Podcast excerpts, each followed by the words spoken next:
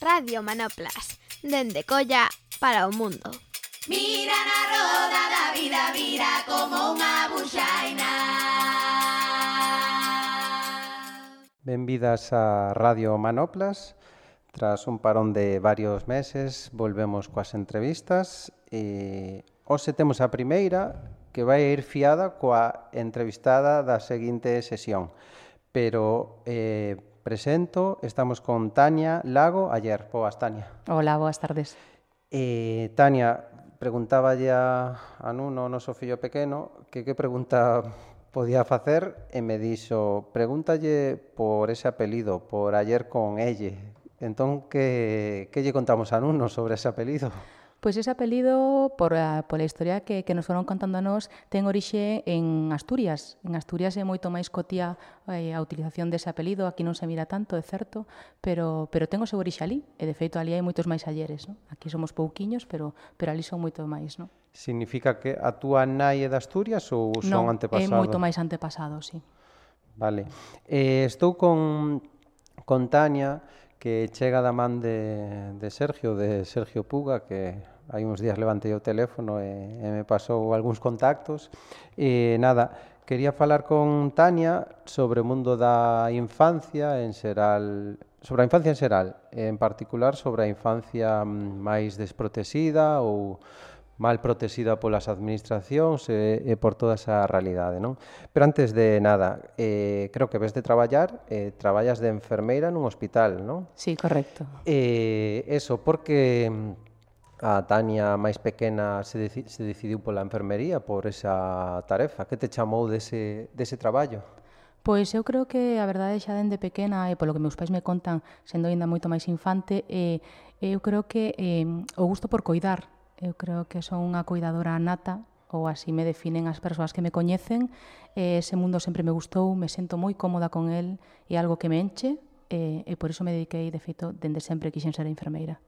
E de pequena, que antes me falabas aí de, de os teus apelidos, eh, creo que vives por Chapela, uh -huh. pero eso, onde te criaches, en que zona, eh, bueno, como era como foron os teus primeiros anos de vida? Cantos sodes na familia ou no que ti chamas familia? Pois eh, eu sempre vivín en Chapela, eh, nunca me quixen marchar dali, eu son sempre digo que son moito máis de barrio que de cidade, as cidades non me gusta, non me gusta os tres, me gusta coñecer os meus veciños e interactuar con eles. E iso a cidade, pois ás veces, quitache ese, esa parte tan importante de crecer un pouco en, en comunidade, non? E, e eh, sempre vivín aí, sempre quixen vivir aí cando fora adulta, tiven a sorte de, de poder facelo e vivo pois, o carón dos meus pais, o carón dos meus sogros e co, cos meus irmáns moi perto, non? E, creo que eso é importante para min e para a familia que, que a final eh, eh pois fixemos, non? Non sempre, eu sempre tiven claro que iba a ser nai, é algo que eu teño moi claro dende nena, eu o de ter parella ou non, pois podía ser según que épocas, que sí ou que non, pero que sí que tiña claro é que eu sempre iba a ser nai, non? E sempre tiña claro que iba a ser nai adoptiva, en aquel momento eu sempre tiña moi claro. Eh, digo que eu se non pudera haber sido nai em, biolóxica, compartir biolóxica co meu fillo, non me, non me importaría, pero sí que me me sentiría máis frustrada, por así dicilo, se non houbera sido nai adoptiva creo que era algo que tiña moi contemplado como proxecto de vida e proxecto de familia, así yo fixen saber á miña parella que hoxe é o meu compañeiro de vida, que é o meu marido, é algo que compartíamos e por iso foi sempre a nosa, a nosa primeira opción. Non? E, e esa parte de ter tan claro dende, dende, dende hai tempo que quería ser nai adoptiva, de que tipo de vínculo ou, ou realidade tiñas preto ou se ti ubicas de onde nace esa, Pois é certo que non, non convivía coa adopción eh, por así dicilo, ao redor. É dicir, eu non teño, eh, non coñezo, por así dicilo, nin a nenos que hoxe sexan adultos adoptados, nin os amigos meus do colexio eran adoptados, nin ningún dos meus amigos se me poño a lembrar pasou polo sistema de protección. Si sí, é certo que si sí coñecía casos de nenos que eu creo que en aquel momento deberían haber pasado polo sistema de protección e non o fixeron, non? Eh, unha vez que vas medrando te vas dando conta un poquinho quizás da realidade. Os meus pais sempre me expuxeron unha realidade. Nas, na miña casa sempre se mirou o telediario, por así dicirlo, sempre se comentaban, dende ben pequenos comentábamos as cousas que aparecían nas na televisión. No? E iso me fixo darme conta da realidade, da realidade que era aquela que nós éramos nenos que tiñamos moita sorte, pero que había moitos nenos que non a tiñan, no? pero que, sen embargo, tiñan algo que vas aprendendo pouco a pouco son dereitos, todos temos mesmos dereitos, o que pasa é que en algúns se vulneran e en outros non. non? Eh, entonces eu creo que foi o que me fixo máis consciente de, de saber que o meu proxecto de familia iba a ir abocado a concederlle ese dereito que un neno tiña e que era ter unha familia e que eu me iba a postular, obviamente, para que o conseguiran. Non? E a familia onde ti te criaches estaba formada por? A familia onde me criei eh, era biparental, era un pai e unha nai, teño unha irmá maior, e sempre convivimos cuns avós que vivían sempre en Ribanosa e coutra boa que convivía con nós. Eh, falabas antes eh, de que nas non sei se na escola ou na túa, no teu círculo de amizades non había ou per nenos ou nenas adoptadas ou nenos ou nenas que estiveran polo sistema de protección.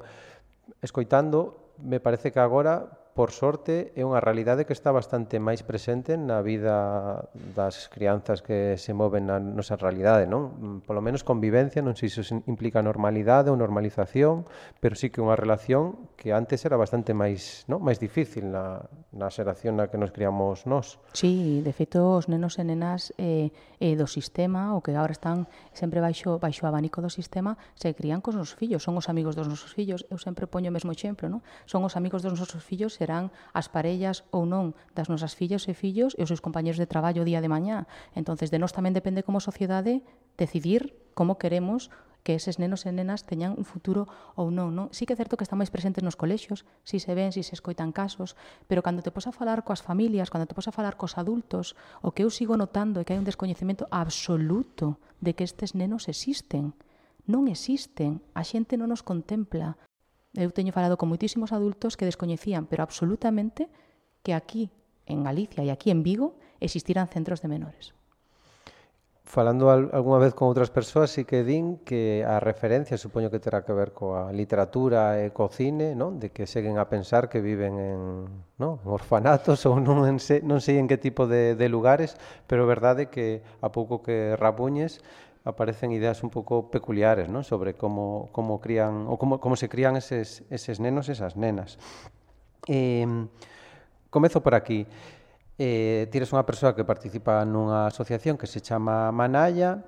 Non sei se Manalla chega despois do, da túa experiencia vital eh, na adopción e no acollemento, como como entra como como nace Manalla na túa vida ou Pois eu estou en Manaia case dos seus comezos. Manaia leva eh, unha andaina de 17 anos, eh, comeza sendo quizáis un punto de encontro entre varias familias que se atopan, por así dicilo, mentras se estaban eh, comezando co súa experiencia adoptiva, porque os tempos de espera de aquela para conseguir a idoneidade, para poder postularte como ofrecemento de familia adoptiva, pois se empezaban a alongar. entonces había familias que empezaban a protestar porque querían que se acortaran eses tempos de espera. E aí xa naice un poquinho ese xérmolo de, do que se acaba convertindo na asociación Manaia.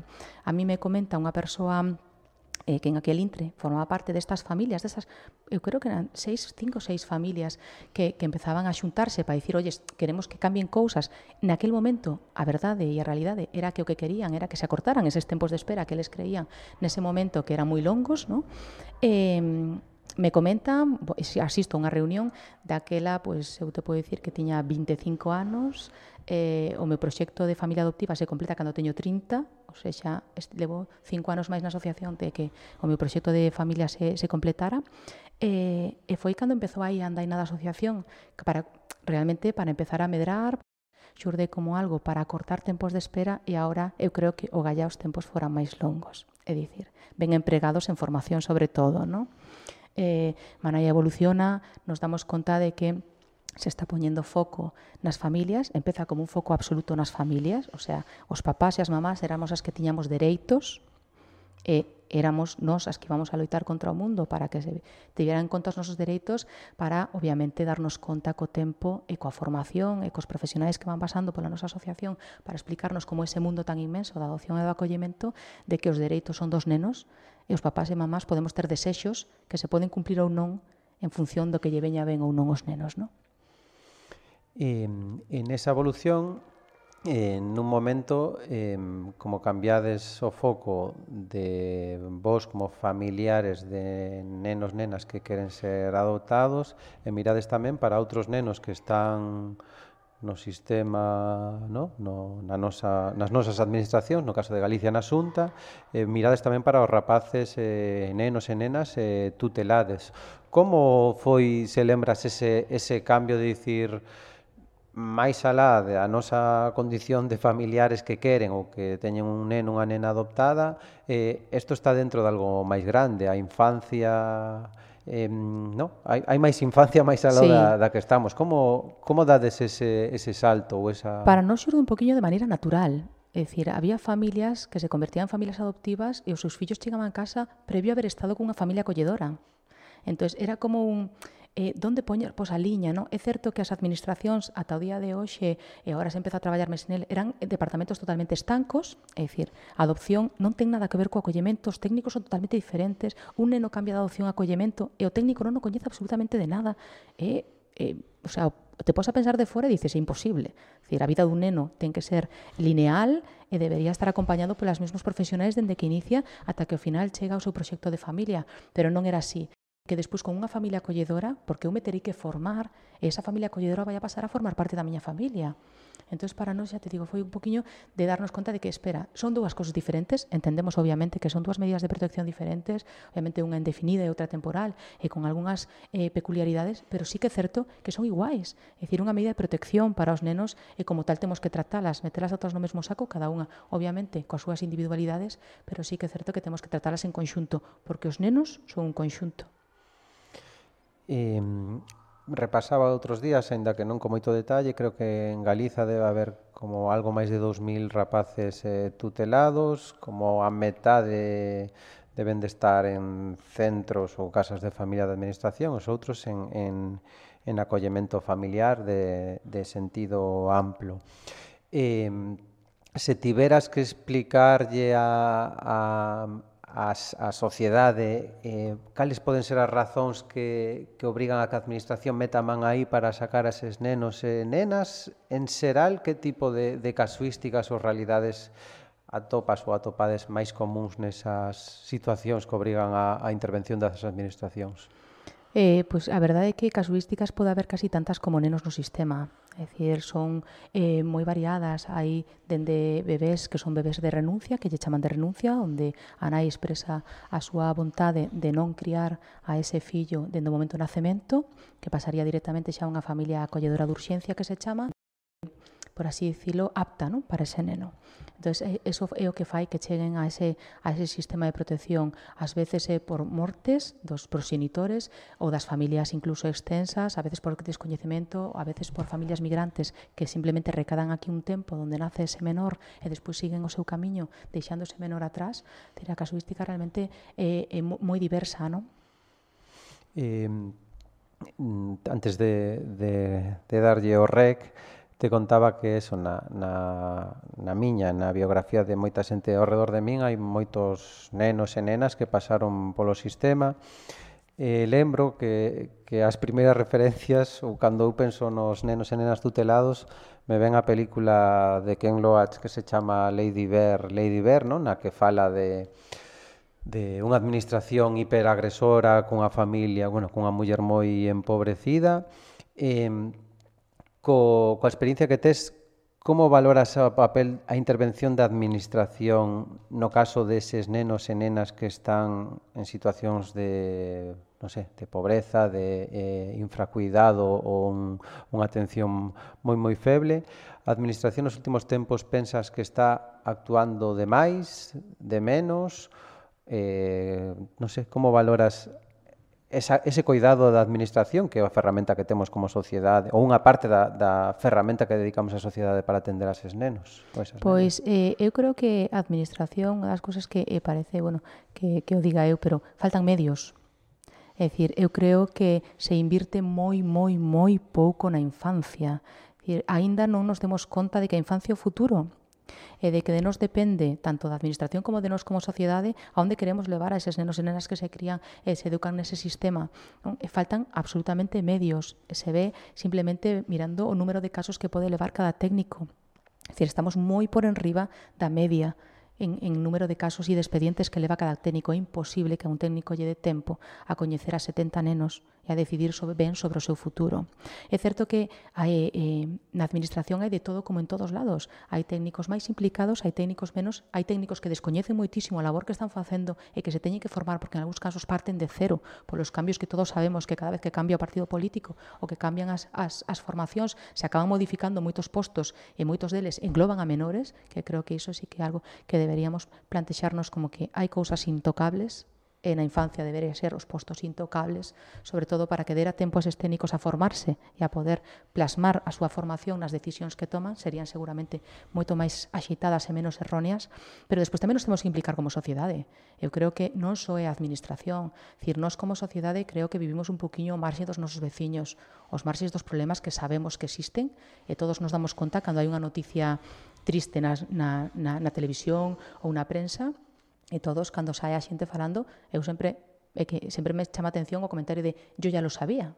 O sea, todo o mundo sabe o que pasa ao redor, pero a verdade é que somos mm, eh, temos moi pouca conciencia de comunidade, non? En xeral, non digo todo obviamente, pero sí que hai pouca conciencia de, de comunidade, non?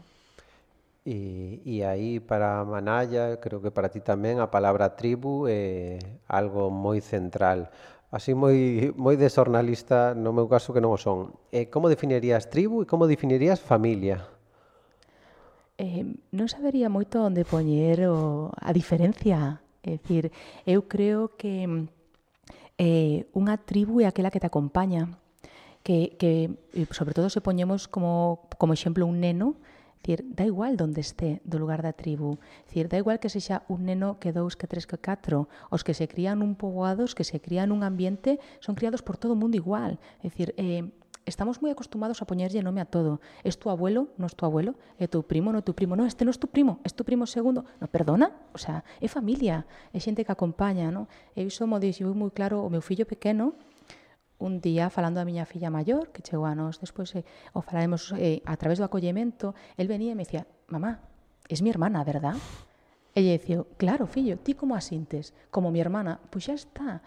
Dicir, non importan os papéis, non importa o sentimento que cada un ten. Eu sempre digo que moitas veces acabas compartindo vida con ese compañeiro de, eh, de vaya redundancia, da vida non que escolles, que non ten nada que ver contigo, nin se criou contigo, nin compartiches unha infancia, e con el decides, ou con ela decides, pues, facer un proxecto de familia mm, a la aventura, eh, porque non todo mundo suma, non? Estamos moi acostumados a que eso suma ao noso, somos moi pechados a hora de dar eh, as nosas relacións a veces persoais, non? Eh, ten que ser todo cun nome, ten que ser todo moi acotado, non somos capaces de creer que todo mundo pode sumar, ¿no? Un vecino puede ser familia. ¿Por qué no puede ser tribu? No, es que es mi vecino, es mejor que lo dejes con su tío. Perdoa. Es decir, no, perdoa. Importa a emoción, importa o sentimento que cada un teña hacia as persoas que decide que formen parte da súa familia. Eu decido quen forma parte da miña familia e non todos comparten a miña orixe. A, a proposta que defendes e que Manalla tamén defende é, eu creo que nestes momentos moi contracultural en sociedades que pulan por un individualismo cada vez máis forte e que creo que impacta nas vidas dos individuos, das persoas con nomes e apelidos, pero tamén na, na, na nosa forma de, de relación. Eh, pero eso, que, que, que creo que hai que celebrar que existades e que reivindiquedes o papel da comunidade non na crianza, pero tamén a hora de afrontar a vida porque entendo que aí atoparedes máis ledicias que en comerse, non? Vos soas sí, sí. eh, baixo as paredes das que convivades as problemáticas que, non? que aparecen no transcurso da vida, non? Sí, sí, sen dúbida, de feito, eh, as familias que formamos parte de Manaya e as familias que ainda que non son socias de Manaya, así se achegan a nós e comparten con nos moitos momentos, eh, é un enriquecemento absoluto, É dicir, o poder comentar eh, a veces pues, eh, eh, cousas que, que suceden a cotía, que sucedan a tua, no teu día a día e eh, que crees que é un problemón ou crees que non teñe solución e te atopas con 4 ou 5 familias que xa pasaron polo mesmo e que te din, no, pero se iso é normal, se iso pasa. O, sea, o compartir, estamos moi acostumados a non compartir e non nos damos conta que o compartir te rebaixa moitísimo estrés, dende logo moitísimo estrés, te dá uns compañeiros de vivencias absolutamente estupendos e xera unha comunidade que ven detrás con moitísima forza, que son os nosos nenos que van deixando de ser nenos e convierten en adultos, cunha mentalidade absolutamente diferente e o único que fai é, é enriquecernos, non? Para mí un tributo tamén me soa un espazo de horizontalidade fronte a unha forma de afrontar a, as cuestións que aparecen na nosa vida cada vez un modo máis eh, especializado ou con especialistas. Digo, eh, na tribu pode haber momentos nos que precisemos ou precisedes de alguén que saiba máis de abusos na infancia porque estudou ou porque se formou moito, moito ou pode servir ás veces eh, unha familia ou unha persoa que viviu por eses elementos. Non digo, me parece tamén moi importante pensar en tribu como ese espazo onde todas poñemos o que sabemos, porque eh, a deriva da especialización e da profesionalización de calquera ámbito da vida, no ámbito da infancia creo que é importante, pero non é, ten que ser exclusivo, está como a marcar o ritmo nos últimos tempos, non? Sí, dende logo, eh, todo o mundo suma e todo o mundo aporta. É dicir, eh, eh, ás veces as formacións que máis te tocan ou que máis te chegan é o que dicimos non é a que ao mellor fai un, un profesional con toda a súa especificidade e que é unha eminencia en algo que te ven a contar, non? O mellor eso que te toca é desa persoa que pasou polo sistema que te está contando a súa vivencia e que te di en propia carne o que o que sufriu ou o que lle doeu ou que non, non? Porque eh, un arma moi poderosa que, que se usa pouco hoxe en día, se chama empatía, E a veces, cando empatizamos coa persoa que temos en fronte, xa sexa adulto, xa sexa un neno, a nosa visión cambia. Eu creo que debemos de eh, rebaixar un pouquiño só de mirar solamente cos nosos ollos e poñeros un pouquiño nos ollos dos demais, porque a visión que nos van a devolver eh, nos vai a facer ver moitas veces as cousas de outra maneira, non? Eh, Tania nos fala de Manalla, pero non fala dende dende fora, senón fala dende, desde a experiencia ou falas desde a experiencia de ter vida en común con unha criatura que comparte xenética e con dúas que xa non son tan criaturas, non? Bueno, to, que, que coas que non comparte xenética. Eh, como, non sei, que, que como valoras esa, esa tribu que montaches aí nas paredes da vosa vivenda. e eu, eu estou, sempre digo que estou o máis orgulloso, ou do que máis orgullosa me sinto na miña vida, obviamente, é da familia que, que fixemos, e, a, e o meu marido máis eu, non? E, e non somos unha familia de cinco membros, o máis pequeno ten dez anos, e co que compartimos xenética tanto o meu marido como a min, Temos o noso fillo maior que ten 18, que é de orixe etíope e chegou a través da adopción con 5 anos, e a nosa filla maior ten 20 anos e chegou a nosa familia a través do acollemento vacacional cando ela tiña 14. E agora, bueno, a nova adquisición, obviamente, que teño un neto de, de 11 meses da miña filla maior, non? Pero pero realmente a, a formación desta, de desta familia é pensada É dicir, non é algo que xurdira, eu sempre digo que o mellor, se a, esa Tania de 25 anos lle hubieran dito eh, que con 44 como teño agora a miña familia sería como é, mm, no, eu creo que votaría a correr, diría que non era comigo, que nin de coña. Por iso é tan importante a formación e a información. A información é poder. E as cousas que empezan dunha maneira, cando un vai percorrendo un camiño, que é certo que é un camiño longo, que a veces ten baches e non baches, te leva a coñecer outras realidades e te leva a cambiar o teu proxecto de familia. O noso mudou, non era este o noso inicio de proxecto de familia, eu o recoñezo, pero non querría outro. Non?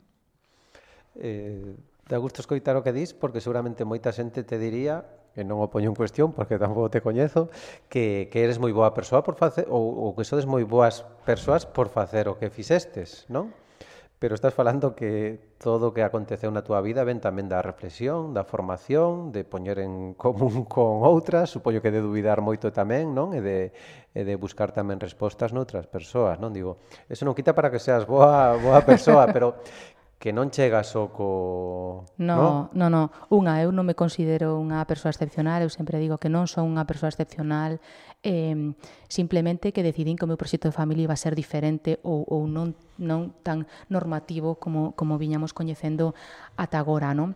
Eh, non, non me teñen que agradecer nada, é dicir, eh, eu non espero que os meus fillos o día de mañá me den as gracias por nada, a excepción de, bueno, o as gracias que podemos dar aos nosos pais pola educación recibida, vale? Pero, pero non, non, porque eles cumpliron o meu maior desexo, que era ser nai. Sen eles eu non seguiría, non sería nai, non podería vivir todo o que levo vivindo grazas a eles. E, eh, e teño en ese aspecto moitísimo que agradecer. Eh, creo que os meus fillos, sobre todo os maiores, perderon máis do que gañaron. Sen dúbida gañaron algunhas cousas, obviamente, pero perdón, pero perderon moitísimas máis, porque a realidade é que todo neno debería poder vivir coa familia de orixe e se non pode vivir coa súa familia de orixe porque non está capacitada, porque nese momento non se pode por motivos diversos, debería ter unha familia en do minuto un. Sempre, porque necesitan ese acompañamento, porque teñen dereito a ese acompañamento. E iso hoxe por hoxe non é unha realidade. Te dixen que eran 25 minutos, eh, te enganei. Eh, comentaba no inicio que esta entrevista vai emparellada coa, coa seguinte, que en principio gravarase mañá, E por rematar, e tamén por fialo co de mañá, me parece tamén moi lúcido por parte de Manalla o discurso que se está que está a introducir do tema do racismo que padecen moitos dos nenos e nenas que viñeron de outros territorios e, e introducir, non, en toda esta cuestión da infancia e buscar tamén aí unha lectura dende ese lugar do, do, do racismo. Supoño que ti ou o teu fillo ou, ou todos, os tres ou os cinco viviríades episodios nos que eso se manifestou, ás veces dun modo máis cándido, outras dun menos cándido, pero que aparecería. Como sí. Manaya tamén pensa eh, que eso é algo central, non? Introducilo na, na, no vosso discurso porque eh, nos damos conta e nos damos conta polos profesionais que falan con nós, por eses nenos racializados que hoxe son adultos, que teñen diferentes profesións e que nos veñen a contar as súas realidades, de que obviamente temos que ser conscientes de que as persoas caucásicas temos vivimos cun privilexio branco, dende que nos levantamos ata que nos deitamos, e quen diga que non, o sea, está absolutamente equivocado e que simplemente con buscar un pouquiño xa atopa, non? Eh, cando somos conscientes dese privilexio, que é certo que e moitas veces nin nos, nin nos damos conta, non? Eh, somos conscientes de que se nos o temos, os que non son cacóasico non o teñen.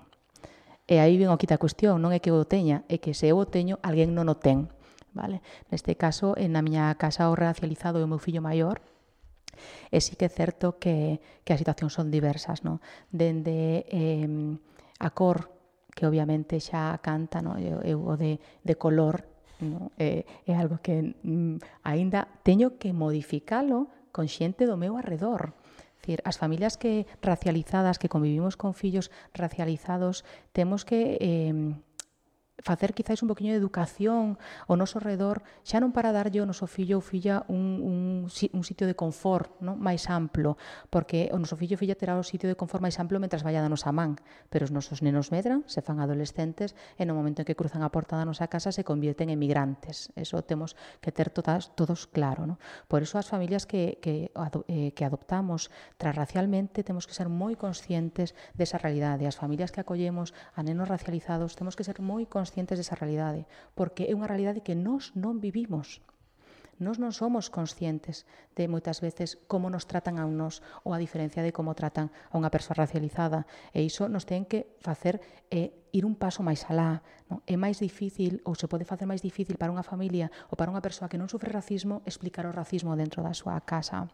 Pero, pero é unha realidade coa que hai que convivir É unha realidade que está plasmada e que está aí. Dicir, hai, hai conversas que posiblemente eu non teña que ter co meu fillo co que comparto bioloxía, pero si sí tiven que ter co meu fillo co que, co que non a comparto, non? porque eh, el DNI é algo que é máis importante que o móvil. E o meu fillo maior o sabe. Porque eu yo tiven que facer saber. Entonces, eh, cando a veces te din, bueno, eres una exagerada, eres, claro, no, no, perdoa, o sea, esa é a realidade, e a realidade que se atupa meu fillo, e sobre todo cando os nenos deixan de ser nenos, porque todos os nenos deixan de ser nenos en algunha vez, no? e empezan a ter a súa vida independente e o seu voz independente, e empezan a toparse con a saírse un poquinho desa zona de confort, donde todo o mundo coñece, eh, o fillo de, porque o sabemos, co cal, eh, está tratado, está, está blanqueado, non? Dicir, e eh, os nenos cando son nenos e os acompañan papás caucásicos, ese neno a de cara á sociedade está blanqueado, ten ese privilexio branco. Pero no momento en que os papás deixamos de estar da man deses nenos, perde ese privilexio que el tiña e por norma xeral se convirte nun menor migrante que é pois, o grueso da, da poboación racializada que temos aquí. Non? Xa son 30, entón non podo pasarme máis. Eh, pero poderíamos estar escoitando moito máis as, as verbas de Tania. Te dicía a, fora de micro, isto remata cando te diga unha canción coa que queres que marchemos e quedemos escoitando. Entón, Tania, se tes un título e un autor ou autora? Pois a que parece tal, cando empezamos o meu camiño para convertirnos en familia, o noso proxecto de familia, eu escoitei moitísimo a canción que se chama Yo no me doy por vencido, de Luis Fonsi, e me acompañou moitísimo durante o camiño da, da nosa adopción. E, e a que teño, sempre que penso neses primeiros pasos que din, pois me imaginaba, aínda que obviamente o, o significado desa canción vai hacia unha relación amorosa, eu o que miraba claramente hacia o proxecto que, que eu quería construir, non?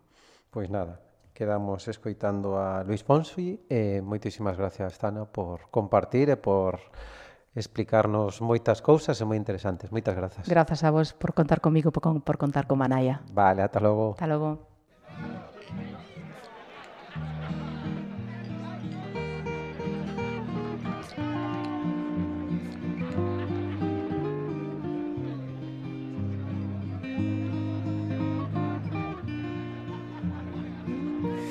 Me quedo callado soy como un niño dormido que puede despertarse con apenas solo un ruido. Cuando menos te lo esperas, cuando menos lo imagino. Sé que un día no me aguanto y voy y te miro. Te lo digo a los gritos y te ríes y me tomas por un loco atrevido. Pues no sabes cuánto tiempo en mis sueños has vivido ni sospechas cuando te nombré.